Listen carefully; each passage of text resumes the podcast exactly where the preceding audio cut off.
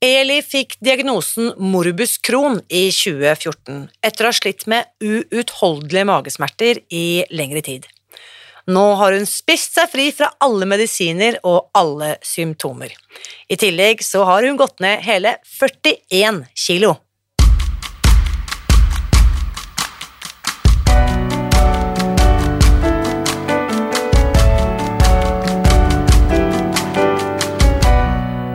Mitt navn er Irina Lie. Jeg er journalist og forlegger, gründer og sosial entreprenør. I 2015 spiste jeg meg fri fra overvekt og fedme etter å ha slitt med vekt, kropp og følelser i nesten 30 år. Etter at jeg knakk koden, ga jeg meg selv et nytt oppdrag – å dele denne kunnskapen med alle som trenger det. I denne podkasten kan du derfor høre hele lydboken Spis deg fri. Den finner du ved å bla deg tilbake i arkivet og lytte til første sesong. Hver uke inviterer jeg nå gjester som gir deg påfyll til hodet, hjertet og magen. For min visjon er å endre Helse-Norge, og det får jeg ikke til alene. Du bidrar ved å abonnere på podkasten, skrive en omtale i iTunes og tipse meg om hvem jeg burde invitere hit. Da setter vi i gang med ukens episode. Jeg har sagt det før, og jeg sier det igjen.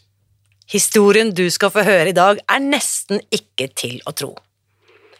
Til tross for sin unge alder så har 31 år gamle Eli Elisabeth Oland Aasrud slitt med mye smerter og vært tvunget til å takle krevende helseplager i mer enn ti år. Da er det desto mer utrolig å høre hvordan livet hennes er blitt etter at hun oppdaget Spis deg fri. Her er ukens gjest. Kjære Eli, velkommen til podkasten. Tusen takk. Du, jeg må bare si eh, jeg er utrolig glad for at du takket ja til å, å være med. Eh, og vi skal jo høre litt mer om din reise, men før vi kommer dit, eh, Eli, kan ikke du fortelle Mm. litt eh, om deg selv og hvor i verden du er hen? Du, jeg befinner meg på Årnes eh, i Viken. Eh, og kjøpte hus for eh, ca. tre år siden eh, her, sammen med mannen min. Eh, pusset opp eh, veldig mye hjemme. Kjøpte et gammelt hus.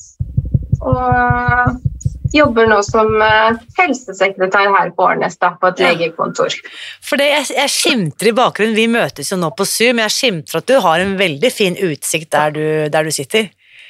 Ja, det er ganske bra. Litt, litt annerledes enn her midt i Oslo-gryta, hvor det er ganske kjipt og grått om dagen, men ok, vi, vi tar det som det kommer. Så, så um, helsesekretær, så du på en måte både er opptatt av helse og jobber med helse. Ja, veldig. Yes. Mhm. Fordi jeg Jeg, Ja, du, ja, jeg tok jo uh, ny utdanning uh, der, der jeg har på jobbet som helsesekretær i litt over et år. Ja. Så det er jo fortsatt ganske nytt, da. Hva var det du jobbet med tidligere? Kan jeg spørre om det? Uh, Jeg jobber som frisør. Ah, ok. Mm. Jeg, har, jeg, kjenner, jeg har veldig mange venner som har jobbet som frisør, og jeg har skjønt at der er det ganske, det er ganske belastende yrke.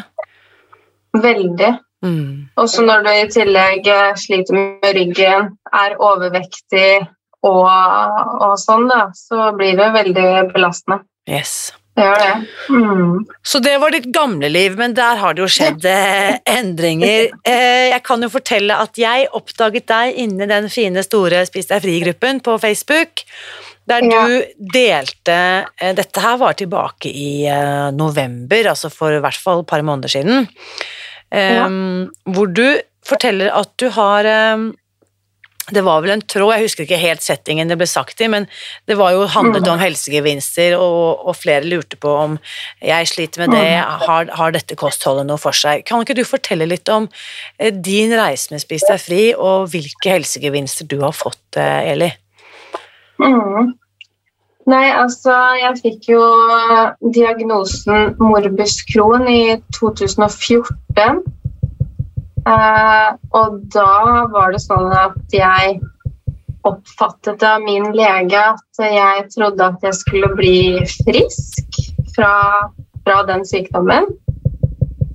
Eh, og hadde vært syk eh, trolig kanskje typ to år før jeg fikk eh, diagnosen. Eh, hvor jeg hadde ganske sterke magesmerter, sånn av og på. Uh, og etter hvert da så ble jeg satt på medisiner som jeg trodde da skulle reversere sykdommen. da. At jeg rett og slett skulle bli kvitt denne Crohns-sykdommen. Eh, og fant ut etter hvert da at det ble man ikke. Nei. Det er rett og slett en sykdom man skal leve med. Og behandlingen er jo da selvfølgelig medisiner. Ja. Sånn type biologiske medikamenter og sånn, da. Fortell Som kan gi ganske mye bivirkninger. Ja, så du er, la meg tenke, når du får diagnosen i 2014, da har du altså egentlig blitt syk i 2012, Ja. Og da er du altså ti år yngre enn i dag, i dag er du 31, så du er da 20 år gammel når du, får denne, når du begynner å bli dårlig. Ja. Ja. Eh, hvordan merker du de første symptomene? Ut, du snakker om magesmerter, men kan du, hvordan husker du at du dukket opp? Hva var, det, det, hva var kjennetegnene? Eh, inntak av matvarer. Eh, visse matvarer som eh, trigga eh, magesmerter, da. Og også eh, Mange sliter jo også med diaré. Altså hyppig toalettbesøk og sånt. Så det også er jo noe jeg kjenner meg igjen i, at eh, jeg sleit veldig mye med mange dobesøk da, i løpet av dagen. Mm. Mm. Klarte du å kartlegge hvilke matvarer det var som satte i gang dette ubehaget? Jeg prøvde, eh, men det kunne være litt sånn Det kunne være litt forskjellig fra dag til dag, men eh, en ting som var sikkert, var f.eks. da den gangen da, så tålte jeg ikke banan. Ja. Uh, ja, da, da fikk jeg så sterke smerter at jeg ble rett og slett sengeliggende. Uh, gjerne en hel dag. Yes. Og da er det jo liksom ingenting som hjelper heller da, mot de smertene. Så det blir jo sterke smertestillende for å liksom komme seg gjennom Mm. smertene. da. Mm. Du nevnte jo Eh. innledningsvis at du var overvektig også. Eh, Var, det, var du Mm. det allerede den gang, eller ble du det senere? Hvordan var det i forhold til overvekten? Da var jeg allerede overvektig. Mm. Mm. Ja. Når jeg starta som frisørlærling, så jobba jeg på Byporten. Og der er det mye god mat rundt omkring. Kjenner til det området der, ja. Mm. Så det ble mye beats, bagetter, Subway, ikke sant. Sånne type litt sånne eh, raske retter, da. Mm. Å få med seg. Ja. Så allerede da var jeg overvektig. Eh, trolig veide jeg kanskje 90 kilo, da, akkurat da. Eh, men eh, det tyngste har jo vært eh, 101 eh, kilo. Ja. Ja. Mm. Um, så hva var det når du kommer da til legen som 20-åring? Altså jeg tenker Du er i starten av voksenlivet. ikke sant? Du er jo knapt nok liksom rukket å bli voksen, og så skjer dette. Hva tenker du? Hva, gjør du? Hvilke råd får du da? Altså, det var jo veldig trist, eh, egentlig. Fordi når du finner ut at det er en sykdom du må leve med, da, og gå på medisiner, så blir det litt sånn at du mister deg sjøl litt og tenker det verste, og hva er vitsen med å leve da, ikke sant? Du begynner å tenke litt sånn. eh, At ikke det fins noe håp. Mm. Og legene anbefalte jo ikke noe spesielt kosthold, egentlig. Som ikke er overraskende. Eh, De anbefalte rett og slett medisiner, at det er noe jeg må belage meg på å bruke resten av livet. Jeg hadde aldri hørt om biologiske medisiner før jeg jobbet med Revmatikerforbundet i 2021. Eller jeg hadde, måte, jeg hadde hørt det nevnt, men jeg skjønte ikke helt. Kan du forklare litt, eh, Eli, hva er biologiske medisiner? Er det, hvilken gruppe medisiner er det vi snakker om her? Altså, det er jo altså Hvis man skal si det litt sånn som alle skjønner det, så er det jo litt sånn, nesten litt sånn kreftmedisin. Altså som eh, går utover immunforsvaret. Det går rett og slett på at uh, man uh, får immunforsvaret svakere. sånn at Fordi at når man har Crohns, da, så er det sånn at immunforsvaret jobber litt imot seg selv. Og for å da dempe dette immunforsvaret, så For at sykdommen da ikke skal bli så aktiv, så bruker man da biologiske medisiner for å dempe immunforsvaret, og da er man eh, lettere mottakelig for andre sykdommer og forkjølelser og ikke sant. Lettere mm. å bli smitta da med andre ulike typer sykdommer. Så for å mm. forskåne deg for så mye smerter som mulig, så inngår man det kompromisset på en måte, at du da velger å dempe immunforsvaret for å slippe unna de verste smertene forbundet med morbus Crohns? Ja. Mm.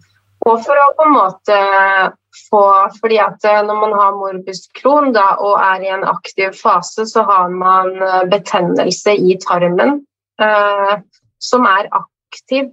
Eh, og i, i, mitt tilfelle så var det et sted mellom tykktarmen inn til tynntarmen som var såpass aktiv med betennelse at det ble en trang gang sånn at mat ikke kan passere gjennom tarmen. Og da oppstår det jo selvfølgelig smerter, ikke sant. Ja, jeg, jeg sitter og skjærer grimaser mens du forteller, fordi at eh, det, det, er så grunnleggende dette med Vi skal jo spise hver dag resten av livet, det er det én ting ja. vi vet, så er det jo det, ikke sant. Og så tenker jeg hvis ting der begynner å klogge seg til, eller det høres mm. vondt ut alle veier, for å si det sånn. Ja, det var det òg. ja, det tror jeg på. Og så eh, i tillegg til disse biologiske medisinene, for det er jo en, sånn som du sier, det er en slags cellegift da, på en måte, eller på en ja. måte, ja. Um, vi får bare håpe at ingen leger arresterer oss hvis vi er litt upresise nå, men uh, bare sånn at vi skjønner litt hva det går i. Hvordan administreres ja. denne medisinen? Er det tabletter eller sprøyter, eller hva? hvordan er det plaster, eller hvordan tar du denne biologiske medisinen?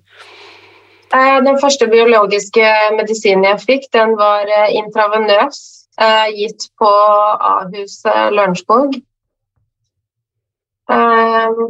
Så da har du en sånn pose som henger på sånn stativ, og så er du der i en halvtime eller flere timer, eller Ja, helt riktig. Ja. Eh, jeg var der vel inntil en time, tror jeg. Men jeg husker. Ja. ja. Hvor ofte måtte du ta den intravenøse? Eh, det er en sånn intervall, så man begynner på en måte eh, Jeg tror det er hver 14. dag i starten, og så blir det lengre og lengre tidsrom da, mellom hver gang. Ja. Uh, så til slutt så er det vel en gang i måneden, da. Ja. Mm. Men uh, jeg fikk jo sånn anafalistisk sjokk av denne medisinen og, og, måtte behandles med antihistaminer på sykehuset. Heldigvis var jeg jo der, så da måtte jeg da avslutte den behandlingen, da. Kan du bare forklare hva et anafalistisk sjokk er for noe? det er jo Altså når du får anafalistisk sjokk, så er det en alvorlig allergisk reaksjon eh, som kroppen får. Og hvis du ikke får noe behandling med f.eks. EpiPen da, eller antihistaminer, eh, allergimedisin, så kan du dø innen 30 minutter. Mellom 15 til 30 minutter. Det kommer litt an på. Ja, eh, dette her, du, altså, alt dette her visste jo jeg ingenting om når jeg sendte deg denne forespørselen. Dette er jo verre enn en uh, horrorfilm. Du er altså ja. på sykehuset, får denne intravenøse behandlingen, får en sterk allergisk, potensielt dødelig allergisk reaksjon. Ja. Skjer dette ved førstegangsbehandling eller senere ut i løpet? Det skjedde ved femte behandling. Så ikke noe forvarsel på de fire første at du kunne ha noe opplegg, at du kunne reagere på dette greiene her? Alle har en risiko for å reagere på biologisk behandling. Eh, så det har jo blitt informert om at det kan skje, men som regel så skjer jo ikke det. Så jeg føler jo at jeg var litt uheldig med den, da. Men ja, det kan vi trygt si. Sitter det da, siden dette er en kjent bivirkning, da, eller en fare, sitter det da en Mm. sykepleier ved siden av deg klar med en EpiPen under hele behandlingen? Ja. Ja, det gjør det. Det er eh, folk til stede hele tiden, og det jeg gjorde Jeg satt egentlig bare rolig og leste et uh, ukeblad som uh, lå på bordet ved siden av meg, og plutselig kjente jeg at eh, ordene begynte å bli litt sånn uklare, og jeg begynte å kjenne at det stakk i hodebunnen. Sa du Og- dette, sa du fra om disse greiene? Ja, jeg, jeg lot det gå litt tid, da. Eh, men når jeg kjente at jeg begynte å hovne i ansiktet og hodet, og så at jeg begynte å få røde, svære flekker på armene, så sa jeg at eh, Og pustebesvær. Da sa jeg fra at nå tror jeg det skjer noe her. Hva, hva, hva skjer da videre, Eli?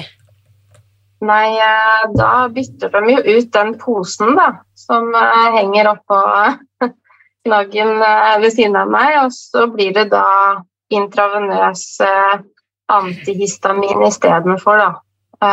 Rett i åra for å De skjønte, de skjønte umiddelbart hva som var på ferde. Ja. Det trengte, trengte Ja. ikke noe second opinion her, her er det å, å gå Nei. til action.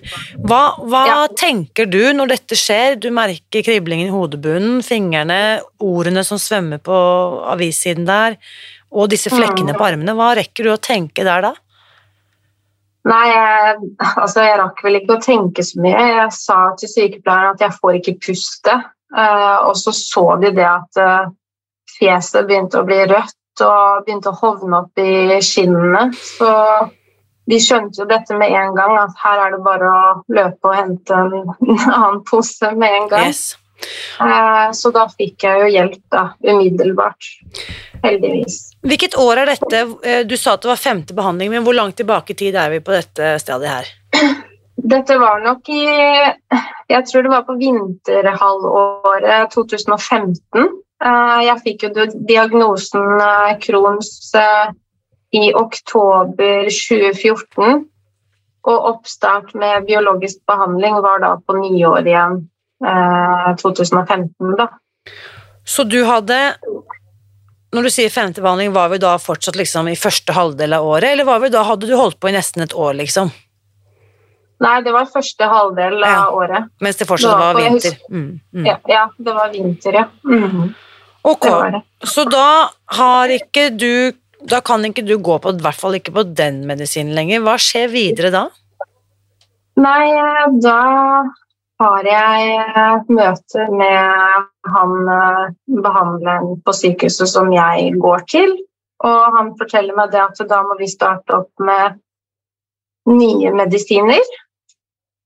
Og da blir det i form av eh, piller med en eh, injeksjonssprøyte som jeg skal ta selv hjemme.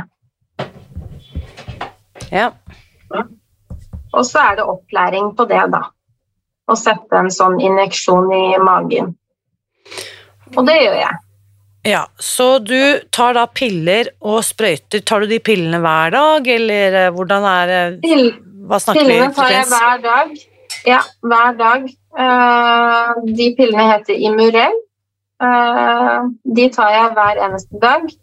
Og så fikk jeg da en eh, sprøyte som jeg mener å huske at jeg tok ukentlig. Og den het, heter Imura. Imura. Imura. Ok, hvordan, eh, Nå vet jeg jo at du har utdannet deg som helsesykepleier, men hvordan, dette var før den tid. Hvordan var det å sette sprøyte på deg selv i magen? Da var du typ eh, eh, noen år oppe i 20-åra.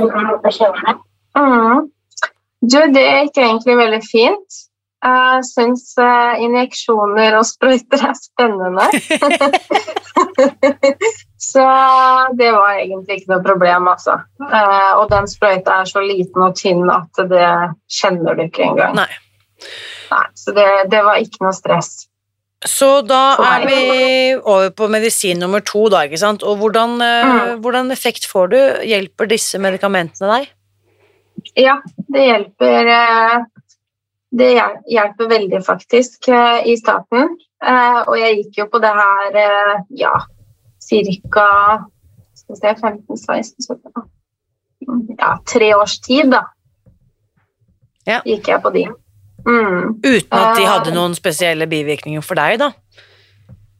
Ja, Mm. helt riktig. Eh, men etter hvert så ble jeg så syk at eh, da hadde det ingen effekt lenger etter de tre årene. Ok, Så du, når du går på medikamentene, så er det mindre smerte, men du kurerer ikke kroppen, du blir ikke frisk? Nei, helt Nettopp. riktig. Mm. Mm. Mm. Så det blir jo verre. Det Ja. blir det. Og når denne Så- morbus Crohn-sykdommen, som hørtes ganske ille ut allerede, når den blir verre, hva, hva innebærer det, eller hva skjer da? Nei, da er det jo det at du kjenner murring og smerter ved hvert inntak av mat.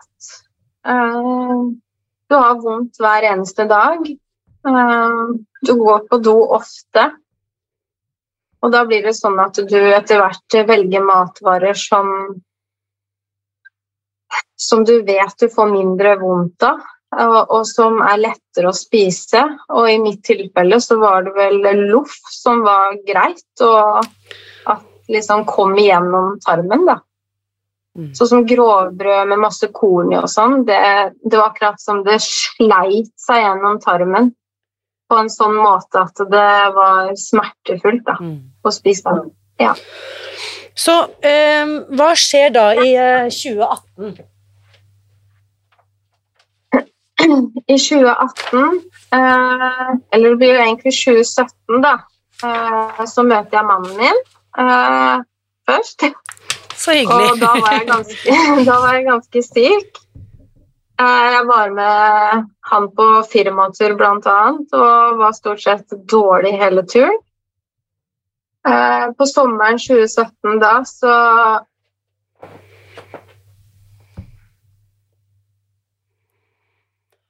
Nå frøs har jeg en sånn oppfølgingssamtale og forklarer hvor dårlig jeg er, da. Og tar litt eh, prøver, annet CRP og fekalprøve, som viser seg å være ganske høye. Jeg drar hjem igjen og er ganske dårlig. Eh, så dårlig at jeg nesten ikke klarer å gå.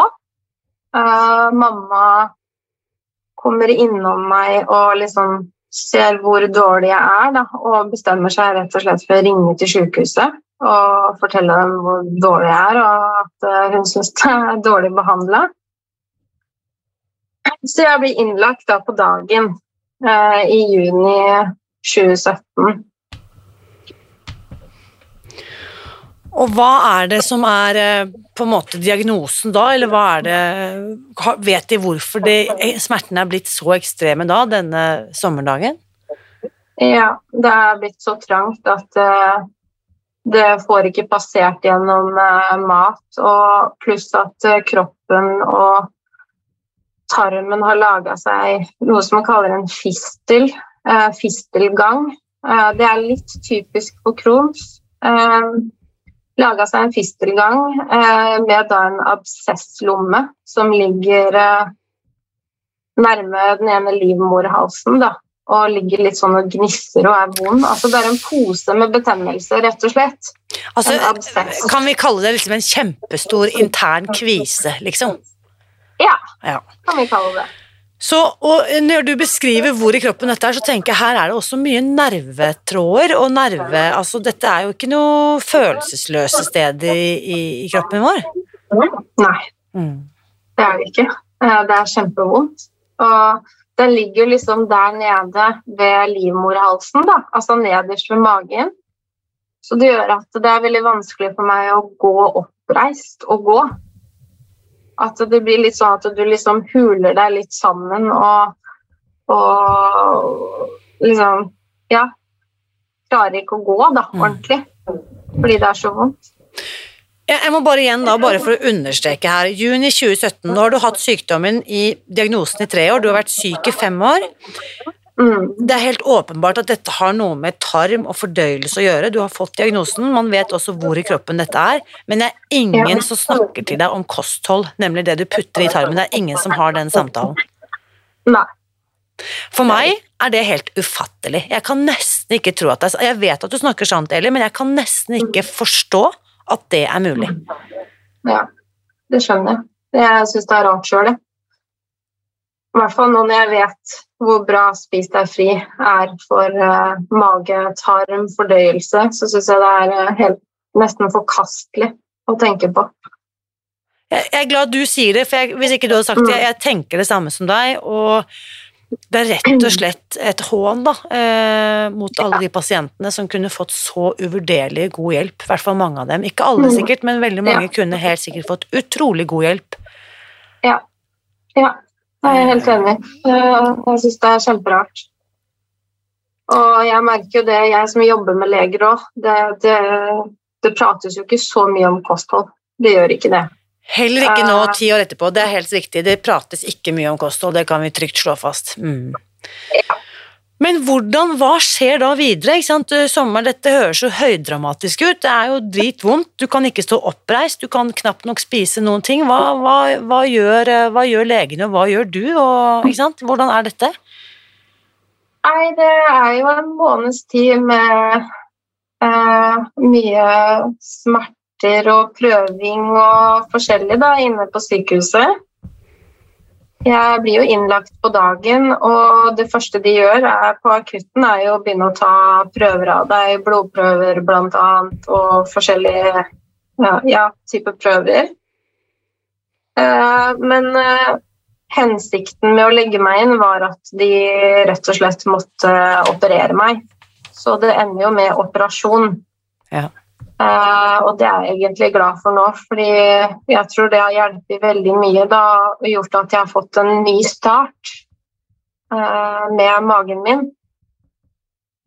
Som gjør da at det er lett å spise bra mat, rett og slett. Hva slags operasjon gjør de da?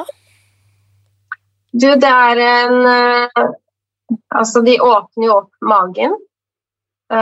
det blir jo ja, jeg tror det er 30 eh, stifter. Så det, det, er jo et langt snitt. Eh, de åpner opp hele magen. Eh, og de fjerner 20 eh, cm av tarmen min, eh, både tjukk og tynntarm. Pluss at de da tar med seg eh, blindtarmen, da i samme slengen. Mens de første er der inne, liksom. Ja, jeg skjønner. Uff da. Og så blir det den absesslommen også, da.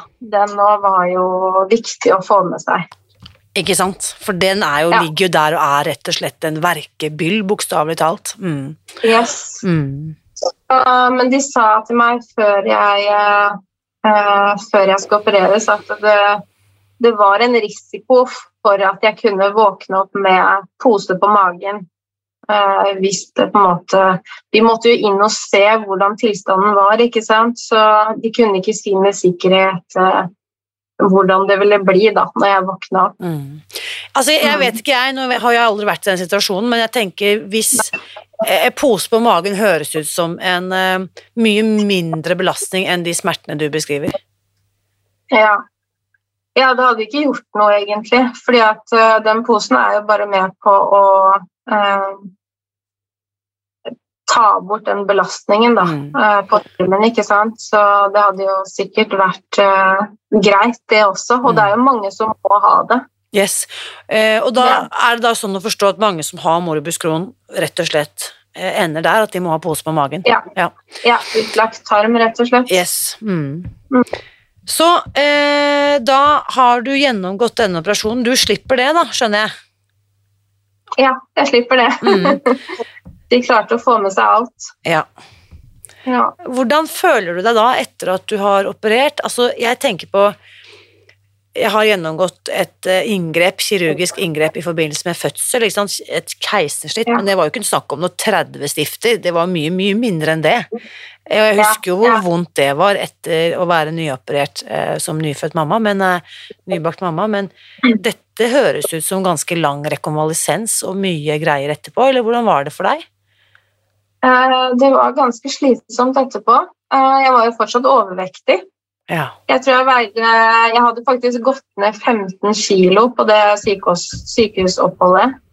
Uh, var, operasjonen var jo ikke før uh, eh, 19. juli, Så jeg var jo innlagt ganske lenge da. Fra starten av juni til 19. juli. Og mm, eh, det var Jeg måtte lære meg å gå igjen når jeg våkna, husker jeg. Fordi jeg klarte jo ikke å gå. Så jeg måtte bruke prekestol eh, for å på en måte gå litt rundt i gangen der da, og eh, lære musklene å kjenne igjen. Eh, så jeg måtte rett og slett lære meg å gå igjen. Wow. Ja, det var veldig spesielt. Det jeg har aldri opplevd maken. For du hadde vært sengeliggende rett og slett i, fire, fem, seks uker. Mm. Mm. Og er det da sånn å forstå at grunnen til at du går ned 15 kilo på disse ukene, er at du rett og slett ikke spiser noen ting? Jeg får jo mat, men eh, jeg får ikke den samme maten som jeg spiser hjemme. Mm. og det blir nok litt magrere.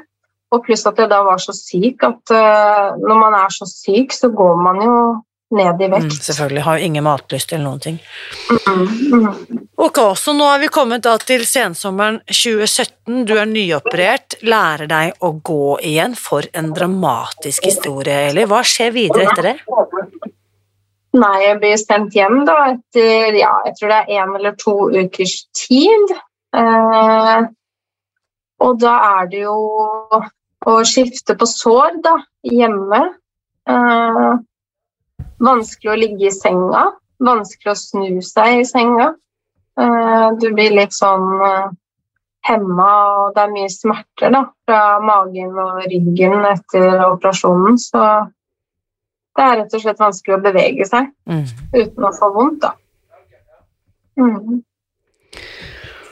Men eh, det blir bedre etter hvert. Takk Men og lov. den usunne, usunne livsstilen min, den fortsetter dessverre da etter operasjonen. Så det er liksom ikke et før, før et år etter at jeg eh, har hatt den operasjonen jeg da finner Spis deg fri, da. Jo, men jeg skulle si, altså hvordan skal du gjøre noe annet med tanke på at du har faktisk ikke fått noe veiledning eller kostråd, så hvordan skal du vite hva du skal spise egentlig? Så, så jeg tenker at eh, det er ikke sånn at eh, vi skal kunne vite alt selv, så hvis ikke du får bedre, du kan jo ikke gjøre bedre enn den hjelpen du får, ikke sant? Nei. Så hva, når er det du, i hvilken sammenheng er det du oppdager Spis deg fri, og hva er det som gjør at du stopper opp, og hva er det her som på en måte gjør at eh, du tenker at dette må jeg teste ut? Hva er, hva er greia her?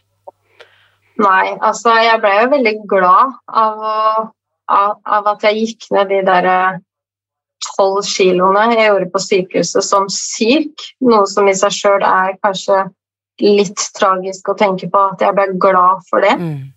Eh, Men det ble jeg nå. Eh, Og da er det litt sånn at man eh, belønner seg sjøl, ikke sant. Fortsetter med det samme spisemønsteret.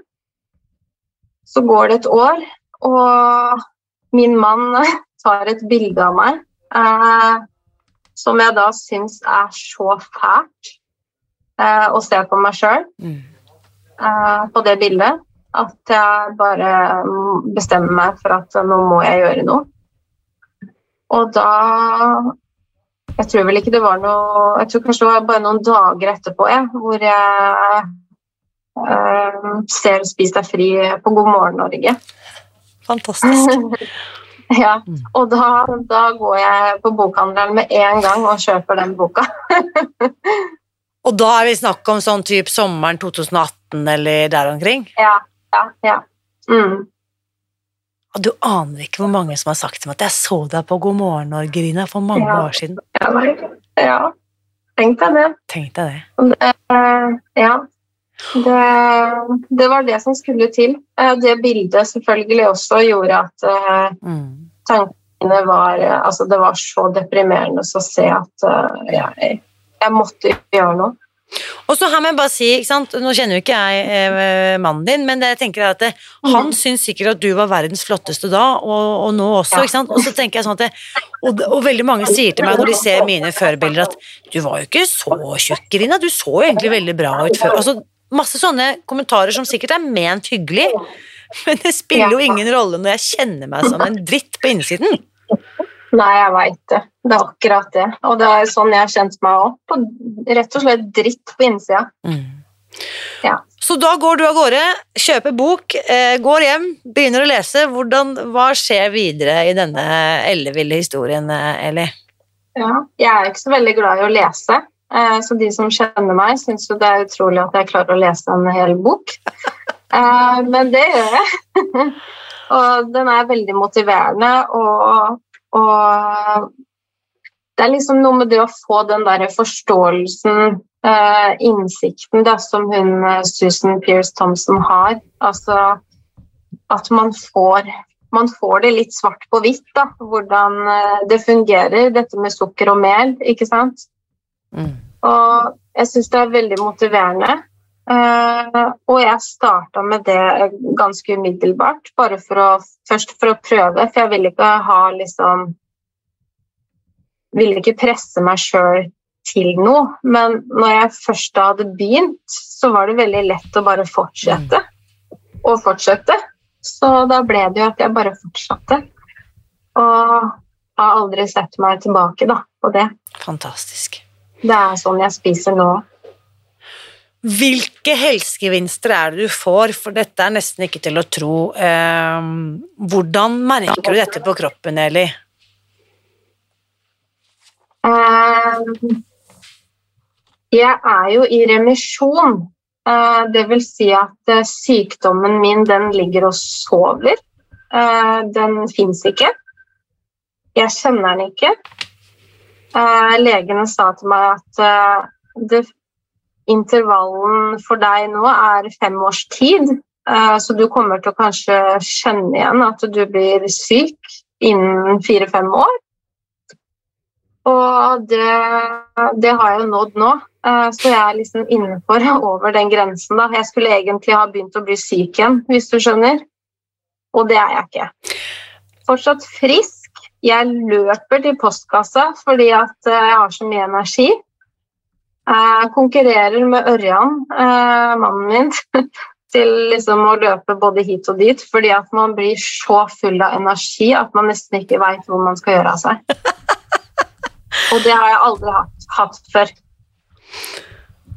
Jeg, jeg, jeg bare jeg, altså Du skjønner, jeg blir bare så vanvittig glad på vegne av liksom deg og mannen din og vennene dine, familien din og alle som på en måte får muligheten til å være sammen med Eli, frisk og glad og full av energi. Fremfor Eli, 22 år gammel og som en 80-åring ikke kan stå oppreist. Ja. Jeg nesten begynne å grine av. Jeg bare kjenner på gåsehud over hele kroppen. liksom. Ja. ja, jeg føler meg veldig bra i hvert fall nå. Jeg gjør det. Helt utrolig. Og da lurer jeg bare på, altså, til de legene som hører dette her Jeg har, jeg har et spørsmål til legestanden. Um, lurer på følgende Hvorfor si til pasienten at du kommer sannsynligvis til å bli syk igjen innen fire til fem år? Hva er hensikten med en sånn beskjed? Det lurer jeg på. Altså, jeg tenker det at denne medisinindustrien har vel kanskje litt skyld i det. De tjener jo penger på medisiner, vet du. Eh, Så jeg tenker at det er eh, At det ligger noe bak det, kanskje. Ja, det, vi, kan, vi kan undres over det. Eh, Ja. Skal selvsagt ikke påstå noe sånt i det hele tatt, men det er jo grunn til å stille spørsmål. Ja, det er det. Absolutt. Ja. Eh, nei, det er veldig rart. Så betyr det nå at du kommer til å ha den diagnosen resten av livet, uansett om den sykdommen bryter ut eller ikke? Jeg kommer jo til å ha den diagnosen, ja. Men eh, det er jo som sagt, jeg er jo i remisjon, og jeg føler meg jo ikke syk. Jeg er jo ikke syk nå. Eh, men jeg tenker at de kan jo ikke bare ta bort den diagnosen heller, fordi som han legen sa på Ahus, det, det fins en sånn intervall eh, med at den kommer tilbake, da. Men det kan være noen heldige som slipper unna. Jeg skulle ønske at den legen på Ahus hadde fulgt opp flere pasienter som har fulgt Spis deg fri, fordi jeg tenker jo da det er naturlig å tenke seg at man får tilbakefall hvis man går tilbake til de samme gamle spisevanene du hadde før. så tenker Ja. jeg det er naturlig å tenke at da vil du få de samme problemene. Men hvor mange pasienter har de fulgt opp som faktisk har lagt om kostholdet helt, sånn som du har gjort? Ja. Nei, jeg, jeg, jeg tror det at hvis jeg hadde begynt å spise som før, så hadde jeg blitt syk igjen. Det har jeg Det, det tror jeg faktisk. Det, det er jeg også ganske overbevist om, fordi det høres jo logisk ut. For det er jo Jeg Mm. tror jo, igjen med null med vekttall i medisin, jeg tror jo at vi Mm. blir det vi spiser, og at hvis vi først har fått en ubalanse, så kan man kanskje bli mer følsom overfor hva skal vi si, dårlig mat, da, som sikkert du også ble. Ja. Ja. Um, men du skriver her, ikke sant, og det var her jeg også tok kontakt med deg, for du skriver i den kommentaren fra november 2022. Jeg er helt frisk og medisinfri med dette kostholdet. Mhm. Det er jeg. Er det også inkludert smertestillende? Er du fri fra smertestillende også, Eli? Eh, ja. Utrolig. Det, altså, selvfølgelig har jeg vondt i hodet eh, og sliter med nakken, stress. Da kan jeg ta Paracet. Men jeg går jo ikke på smertestillende lenger, Nei. sånn som før. Nei. Hvordan doser gikk du på før, hvis du tenker tilbake når det var på sitt verste? Hva snakker vi om da? Altså, for min del da, så ble jeg jo holdt på å si, selvmedisinert med Paracet og, og paracetamol, altså i, for, i form av Paralgin forte, som er litt sterkere Paracet, men jeg fikk ikke noe sterkere enn det. Mm. Men eh, når jeg var innlagt på sykehuset, så fikk jeg jo veldig sterke smertestillende, altså morfinpreparater. Ja. Ja. Var det greit for deg, eller var det Jeg vet at det er veldig mange som har slitt med avvenning fra den type smertestillende. Hvordan taklet kroppen din det? Nei, det gikk helt fint. Ja, så bra. Mm. Faktisk. Ja, det gjorde det. Mm. Så nå er vi kommet da i det herrens år 2023. Vi er fortsatt tidlig på året. Hva, hva tenker du nå, Eli? Du har startet eh, har, har noen av disse erfaringene Var det medvirkende til at du valgte å bli helsesykepleier òg, eller hvordan eh, Helsesekretær, Absolutt. unnskyld. Fortell. Mm. Ja, mm, det var det. Jeg, eh, første gangen jeg gikk inn på Ahus og skulle begynne med den biologiske medisinen, så var jeg veldig fascinert av eh, helsevesenet. Eh, jeg hadde lyst til å bli hun som satt i skranken og tok meg imot. Ja, så fint. Og, og hadde veldig lyst til å Jeg er veldig sånn kreativ og liker å pusle med ting og sånn, så det å ta blodprøver og sånn, det var noe som jeg tenkte at kunne passa meg veldig bra, da. Og nå er du her. Ti år etterpå, så, er eller åtte år etterpå, så er du faktisk blitt hun, eh, hun som kan hjelpe andre som kommer inn på sykehuset. Ja. Ja. Det er jeg. Og det hender jeg har pasienter som eh, er inne hos meg, som åpner seg opp og forteller litt om vekt og hva de sliter med og sånn, da. Og da hender det at jeg har tid til å ha en liten samtale med de, og fortelle litt av min historie, da. Og, og sier eh, og liksom anbefaler de å sjekke ut, da. Spis deg fri. Ja, så Fordi det har hjulpet meg så mye. Mm. Det er litt komisk. Vi har snakket sammen nå i 40 minutter, og jeg har jo ikke engang spurt deg hvor mye kilo du har gått ned, for det har jo kommet litt i andre rekke her. Kan jeg spørre deg om det, eller hva snakker vi om i vektnedgang? 41 kilo er det jeg har gått ned. Jeg må bare le, altså, for det er liksom eh, Det er lett å tenke at eh, siden vi ofte snakker om vektnedgang, at det ville på en måte stått liksom topp, eh, på topp av listen. Ja. Men eh, i tillegg til alle de andre helsegevinstene du har fortalt så fantastisk om, så snakker vi altså 41 kilo ned, så det er fra 101 ned til typ 60. ja. Herregud, så fantastisk. Mm. Oh, ja, nei, Ørjan har rett og slett fått en ny kone siden den dama han møtte i 2017. Det har han. Mm. Regner med at han er fornøyd, han òg. Ja da, han er veldig fornøyd. Men det er som du sier, han, eh, han likte meg før også. Ikke sant? Mm. Um, og igjen, jeg tror ikke det er mulig for noen å forstå hva det er vi beskriver av den følelsen av å være innesperret i en sånn kropp, når man forsøker å komme ut av det og ikke får det til. Det er lite som føles mer måte, beklemmende enn akkurat det. Da. Um, Hva tenker du til um, ikke sant, igjen da, Det er alltid litt sånn skummelt siden vi her snakker om en helt spesifikk diagnose, men med andre da, som sliter mye med magevondt, tarm, mageproblemer, fordøyelsesbesvær, problemer med mm. alt dette her som har med dette systemet, denne delen av kroppen å gjøre, hva tenker du, eller hva vil du si til han eller henne som hører dette? Altså, man må jo alltid jeg tenker at Man må jo alltid prate med fastlegen om det, og jeg tenker at man bør eh, få en utredning. Eh, det var jo det som skjedde med meg også. Jeg fikk jo en uh, umiddelbar utredning på fordøyelsessystemet mitt fordi jeg kom med disse magesmertene da, og hyppig dobesøk. Og det er jo litt sånn typisk da, for uh, mage-tarmproblemer. Uh, og da trenger man ofte da en utredning.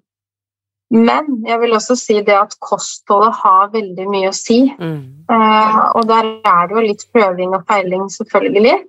Men uh, jeg føler i hvert fall at jeg har blitt frisk av den måten vi spiser på i Spis deg fri. Det er den gode balansen, altså grønnsakene. Det er en jevn fordøyelse. Altså du går ikke på do seks ganger om dagen lenger, det, ikke sant? Eh, så det er absolutt noe å anbefale. Og jeg vil på en måte anbefale alle med fordøyelsessykdommer å i hvert fall sjekke det ut og prøve det. Mm. Fantastisk. Mm, fordi det er bra for fordøyelsen det er bra for fordøyelsen uansett om du har diagnoser eller ikke. Jeg har jo også fått en helt sånn den, Denne fordøyelsen burde ha vunnet premier. Altså, jeg er så glad i både daglige dobesøk og jeg, jeg liksom føler meg så bra da, i magen. Magen er blitt min venn, liksom. Det kunne jeg ikke ha sagt før. Ja, og sånn er det for meg òg. Mm. Før var det liksom fienden, og nå er det bestevenn. Ikke, ikke sant? sant? Så det er eh, to forskjellige ting. Og det som jeg også tror eh, vært interessant å høre hva du også tenker om det, fordi at eh, mens jeg i gamle dager bare kjente skam og sinne i møte med magen, bokstavelig talt, så i dag så mhm. kjenner jeg jo også en mye bedre magefølelse, hvis du skjønner hva jeg mener. Altså, jeg opplever at jeg tenker klarere, jeg har liksom en tydeligere intuisjon, hvis du skjønner hva jeg mener. Altså de der eh, tingene som ikke går på helt sånne fysiologiske ting, men litt mer det følelsesmessige eller mentale eller emosjonelle. Hvordan har det vært mm. for deg? Det har jo vært mer uh, stabilt humør, mye mer energi. Mm. Og som mannen min nevnte, at man, man ser bedre. Altså han sier at han har fått bedre syn av å slutte å spise sukker og mel. Ja, for han Ørjan har lagt om, han òg? Er det det du sier? Ja. ja. Så, og det er jeg helt enig i. Man ser på en måte verden med litt andre øyne, og bedre øyne. Eh, nei, men det er rett og slett den godfølelsen, da. Og energien, det har nok vært det viktigste for meg. Og det å føle meg vel da, med kroppen min. Mm. Det er interessant, jeg har aldri hørt noen beskrive det sånn som mannen din har sagt med blikket, men det er jo faktisk så har jeg jo sett på veldig mange jeg møter som fra de starter og til de har holdt på bare noen uker. Det er som om blikket blir klarere. Som om liksom at det er et eller annet slør som forsvinner, så kanskje, jeg vet ikke, jeg har aldri snakket kunne vært interessant å invitere en øyelege og høre om kostholdet påvirker øyehelsen, faktisk. Ja. Det hadde vært interessant. For jeg tenker at Ørjan har helt rett, selv om ikke Man blir rett og slett klarsynt. mm. Ja, rett og slett. Eh, nå ser jo du meg eh, her på skjermen, og vifter jeg her med denne lille infobrosjyren som vi har laget for helsepersonell, fastleger ja. og eh, helsesekretærer og andre. En bitte liten infofolder som vi sender gratis til alle som jobber med pasienter med overvekt og fedme. Oi, så bra. Eh, veldig kult at jeg kom på at den lå her på pulten min nå mens vi snakker sammen. Fordi Eli, da går du til spisdegfri.no fastlege, og så legger du inn navnet og adressen din, så sender jeg deg disse gratis i posten. Ja. Og det samme gjelder alle andre. Hvis du som hører dette er fysioterapeut eller fastlege eller til og med tannlege eller jobber med pasienter og veileder de rundt kosthold og livsstilsvalg, så kan man Mm. bare få tilsendt eh, en liten bunke med sånne brosjyrer. Når det blir tomt, Eli, så bare skriver du på nytt inn på det skjemaet. Spis deg fri, punktum Mm. Fastlege. Så sender jeg deg disse gratis i posten. Ja. Um. Rett og slett som en liten, for jeg vet nettopp den situasjonen du beskriver. Der sitter man hos legen sin, og så har man noen spørsmål, og så vet kanskje ikke legen alt, så kan man i hvert fall bare gi pasienten denne lille brosjyren. Mm. Så kan Mm, pasienten i ro og mak hjemme logge seg på og lese litt og se litt, og få i hvert fall litt info om hva det går i. Ja, Mm. kjempebra. Mm. Så mm, jeg vil bare liksom eh, si tusen, tusen takk for at du deler. Dette har vært så verdifulle Altså, snakk om horrorhistorier som bare får en så lykkelig fortsettelse, for det er jo på ingen måte slutt. Dette skal jo fortsette. Eh, Hva er planene og drømmene og veien videre for deg, Eli? Nei, eh, som jeg sa innledningsvis, vi er glad i å Vi driver og puster opp hus. Eh, Så det er på en måte der drømmen fortsetter litt. Da. Vi eh, driver med eiendomsvirksomhet, så det er liksom drømmen vår, da, sammen. Ved siden av at jeg eh, jobber som helsesekretær. Så vi har mange boligdrømmer. Så gøy, så spennende. Det er morsomt å tenke at, at dere kan bidra til at flere kan skape gode, gode liv og få gode hjem. Ja, Og ikke minst gjøre en bedre jobb som helsesekretær. Da. Fantastisk. De er heldige, de som kommer inn på kontoret ditt, eh, eh, Eli. Jo, takk. Da vil jeg bare si tusen, tusen takk for en fantastisk inspirerende samtale, og tusen takk for at du deler din historie, Eli. Jo, tusen takk for at jeg fikk være med å dele. Mm. Takk. Nå lurer jeg på, hva tenker du etter å ha hørt min samtale med Eli i dag? Bli med over i den åpne Facebook-gruppen eh, Spis deg fri, hvor jeg også traff eh, Eli første gang, og del din takeaway i kommentarfeltet. Som du da har skjønt, Eli er også med i denne Facebook-gruppen, og jeg vet at hun kommer til å bli kjempeglad for å lese det du skriver. Og hvis du nå lurer på hvordan du kan komme i gang eh, og spise deg fri, helt konkret, så vil jeg invitere deg til å gå inn på våre nettsider og laste ned vårt gratishefte med oppskrifter. Eh, Den eh, linken den finner du ved å gå til spisdegfri.no smakebiter. Her på denne siden så kan du laste ned et komplett oppskrifts oppskriftshefte med enkle forslag til frokost, lunsj og middag som gjør at du kan starte nå, før denne dagen er over. Heftet det er helt gratis, og du finner det ved å gå til spisdegfri.no smakebiter. Og når du da ser hvor enkelt dette kan gjøres, ved å spise helt vanlig mat, laget med ingredienser som du kan kjøpe på butikken der hvor du bor, så håper jeg så inderlig at du blir inspirert til å gi dette opplegget en sjanse. For tenk på det, tenk hvor du kan være ett år frem i tid hvis du bestemmer deg for å starte i dag. Eli, som vi hørte, hun er altså kvitt alle symptomer på alvorlig sykdom, i tillegg til at hun er blitt 41 kilo lettere. Så hvem vet, før du vet ordet av det, så kan det være du som er med i denne podkasten og forteller din utrolige historie. Det gleder jeg meg til. Så uansett hva du velger å gjøre for å ta godt vare på deg selv, så vit at jeg heier på deg. Alltid.